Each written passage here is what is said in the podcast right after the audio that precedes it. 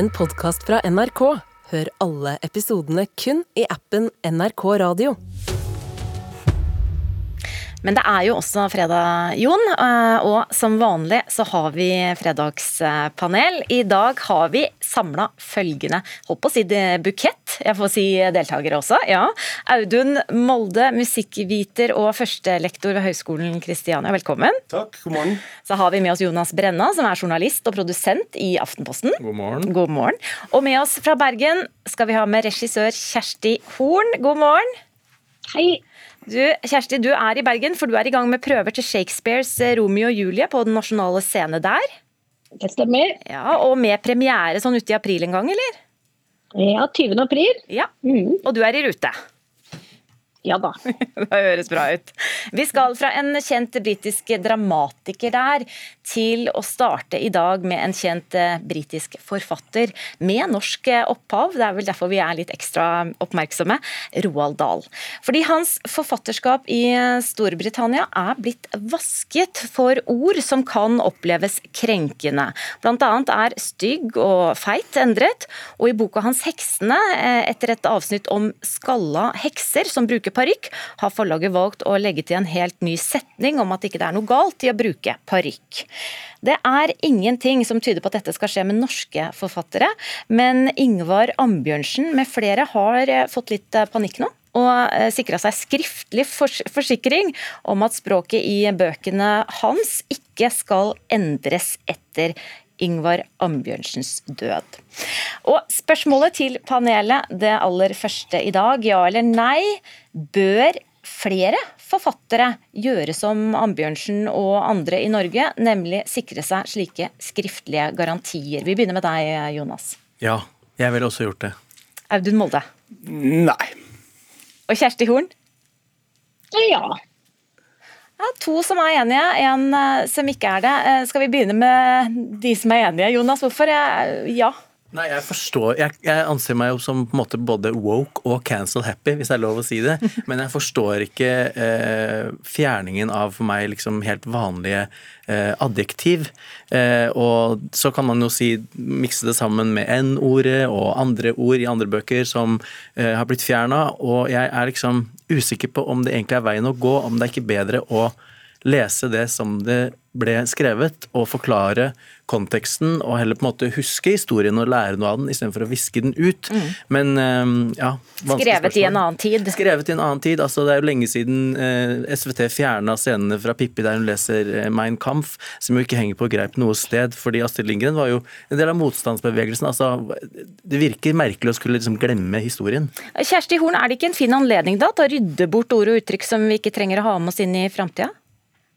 Nei, jeg syns det må man nesten være litt sånn prinsipiell mot å si at det Sånn kan man ikke gjøre. Men eh, Og jeg tenker kanskje ikke at det er så veldig stor fare for Ingvar Ambjørnsen akkurat, akkurat for øyeblikket, men eh, ja.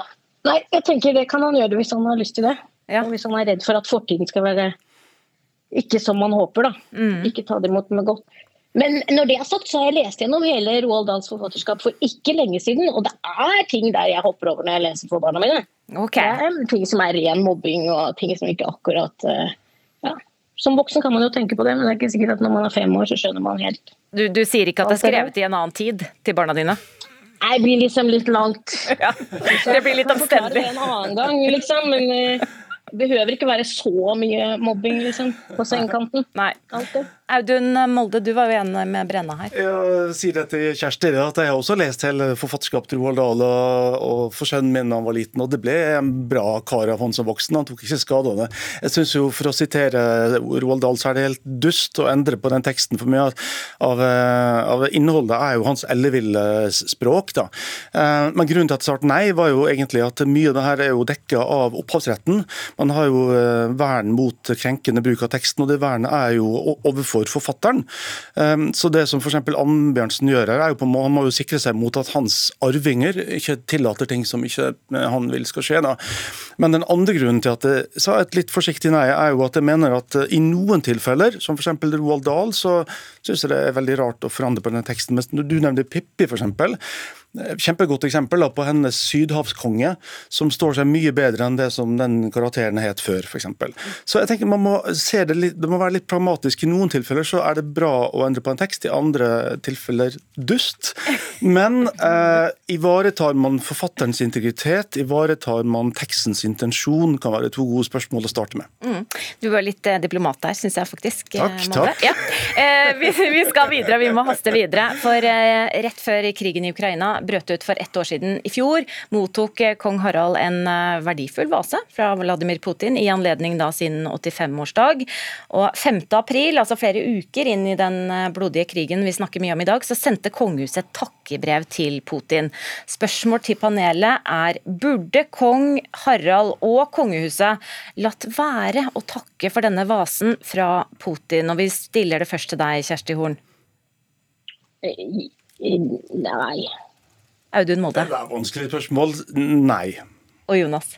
Om de burde latt være å takke? Ja. ja absolutt. Vi begynner, Kjersti. Hvorfor, eh, hvorfor eh, burde de ikke latt være å takke? Nei, Det er jo kjempevanskelig, selvfølgelig. Jeg, jeg, tenker at jeg egentlig ikke har noen forutsetninger for å svare på det spørsmålet. Men, eh, men jeg hørte på de ekspertene som har snakket om det, og jeg tenker at det fantes argumenter, og de har sikkert gjort kjempevanskelige vurderinger på, på hvordan, eh, hvordan de skal forholde seg til det, og at de har forholdt seg til den formelle rutinen rundt det. Jeg skjønner at det kan være krenkende og det virker veldig rart, men eh, Mm.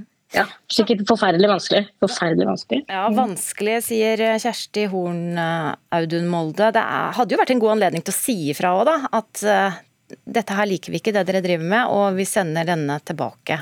Ja, det kunne det vært. Men jeg er egentlig helt enig i alt det som Kjersti Horn sier her. og um, altså Russland er jo, Man må ha uh, diplomatiske forbindelser. Man kan ikke kutte all kontakt.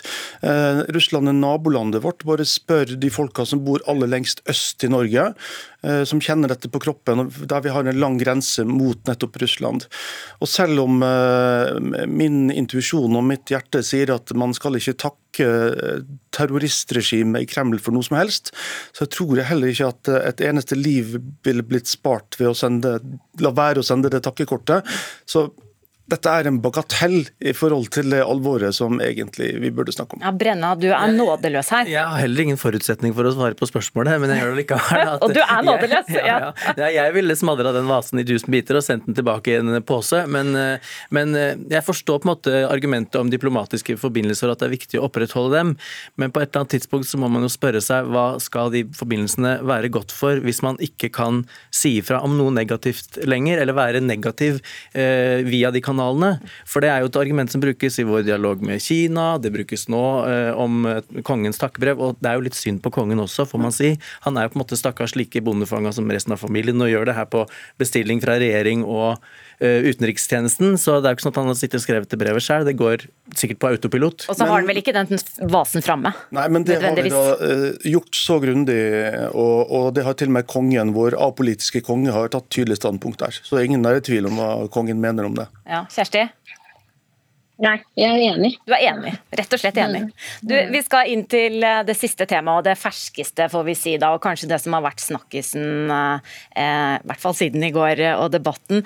NRK har vært i hardt vær etter at de valgte å fortsette samarbeidet med influenser Sofie Elise, etter et mye omtalt publisert bilde da, av henne og en venninne, og det kan se ut som en pose kokain at venninnen holder dette. Sofie Sten Isaksen, som hun egentlig heter, jobber jo eh, for NRK og lager lage podkast her.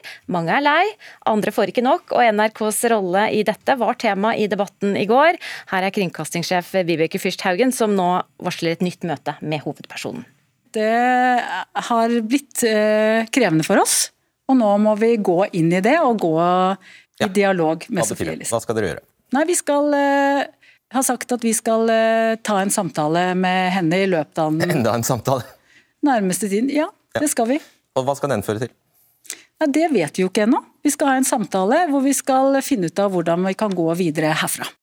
Nok en samtale, altså. Eh, Audun Molde, starter med deg. Er det riktig av NRK å engasjere Sofie Elise til å lage en podkast for allmennkringkasteren? Nei. Kjersti Horn. Ja. Jonas Brenna. Ja. Da må vi eh, starte. Jeg tror vi starter med ja-folket. Kjersti Horn, hvorfor er det riktig? Nei, men jeg tenker at det kan vel være riktig. De kan vel ha vurdert at det var en god ting. For meg så Jeg syns ikke det er spesielt verdifullt. Men uh, nå som de har rota seg opp i alt dette her, så syns jeg de må være litt som de voksne i barnehagen og si sånn Ja, kjempefint at du fikk ha den podkasten en stund, men nå er vi ferdig med det. Nå er det noen andre som får mulighet. Er det for, ja, er det for seint å snu? Nei, det er det da vel ikke. Nei, Du sier de må fortsette? Hun har jo fått Jeg sier ikke at de må fortsette, men jeg sier ikke at det var galt i utgangspunktet at de gjorde det. Men nå tenker jeg nå, nå tenker jeg at eh, noen andre kan få mulighet mm. enn henne. Mange kritiserer jo og er sure på NRK. Podkasten eh, har eh, vel 60 000 lyttere, Jonas Brenna. Du mener hun må fortsette? Nei, altså jeg er ikke i den form som den podkasten er i dag. Den podkasten er på toppen av lista av lyttere, men den er på bånn av lista når det kommer til kvalitet, spør du meg. Jeg har jobba med programutvikling i NRK og gjør det til daglig Aftenposten. Og jeg syns at selve podden er forferdelig, men at de vil ha Sofie Elise som en stemme i NRK, det forstår jeg kjempegodt. De trenger å stjele markedsandeler fra store internasjonale tilbydere av underholdning, og de trenger å dra inn unge målgrupper. Og NRK kunne ha utfordra henne, utfordra seg selv, og laga et veldig bra program med Sofie Elise, men jeg føler at det er litt sånn latmanns venstrehåndsarbeid, bare slippe de til å sitte og kakle, det er å undervurdere målgruppa som du prøver å nå. Hadde du sagt ja hvis det var bedre kvalitet, som Jonas Brenna mener her, da? Det, Å, det finnes uh, 10 000 andre podkaster som du kan velge mellom. Men, men altså, jeg skjønner ikke helt hvorfor NRK har gjort det i det hele tatt. Jeg, fordi at, jeg skal ikke si et ord om Sofie Elise Isaksen, men Sofie Elise er en bedrift som er, har mange millioner i omsetning, og som er kanskje Norges mest vellykkede digitale reklameplakat. og ordet influenser helse betyr påvirket på norsk. Og hva er det man skal påvirke til? Jo, det er økt forbruk, det er å kjøpe ting. Um, og det budskapet det blir vi jo bombardert med. Det er en kommersiell smørje som barn og unge og også voksne har daglig i TikTok-feeden, Instagram-feeden, Snapchat-feeden. Og hvorfor i all verden skal en eh, reklamefinansiert Nei, unnskyld, ikke reklamefinansiert kringkaster som NRK kjøp, kjøp inn det, istedenfor å utvikle egne ting. Jeg bare jeg hørte på kringkastingssjefen i går, så ble jeg både litt sånn bekymra, men også litt glad for for at det virka som hun hadde begynt å tenke litt kritisk over det. Ja. Og Så kan man jo si mye om, om innholdet i den podkasten. Jeg, altså, jeg, jeg, bor ikke under en stein i skogen, jeg får jo med meg dette her også, selv om jeg er langt utenfor målgruppa. Men, eh, men altså, jeg tror også, som du sier, Jonas, at man undervurderer kanskje norske kvinner under 30 år hvis, de, hvis man bare er interessert i kommersielle budskap og modifisering av kropp. Og, altså, det er jo en ekstrem narsissisme her. Det er meg, meg, meg, meg, meg, meg, meg yes. hele veien. Mm. Jeg tror kanskje at det finnes mange unge som kan gå over på NRK sine flater, som er interessert i andre ting. Ja, Vi kan jo velge andre ting, og vi er ikke i målgruppa Kjersti Horn. Noen av oss her. Nei. Nei. Nei. Bli ferdig med det. Bli ferdig med det. Vi må bli ferdig med Fredagspanelet også. Eh, dessverre. Vi kunne holdt på i det uendelige. Molde, kort? Ja, eh, Nå skal jeg unngå å si et stygt ord her, jf. forrige sak her, men jeg tror livet hadde blitt ca. en milliard ganger morsommere hvis NRK bare hadde gitt F i å booste Sofie Elise. Det var bra. Audun Molde, takk skal du ha. Jonas Brenna og Kjersti Horn, takk skal dere ha alle sammen. Du har hørt en podkast fra NRK. Hør alle episodene kun i appen NRK Radio.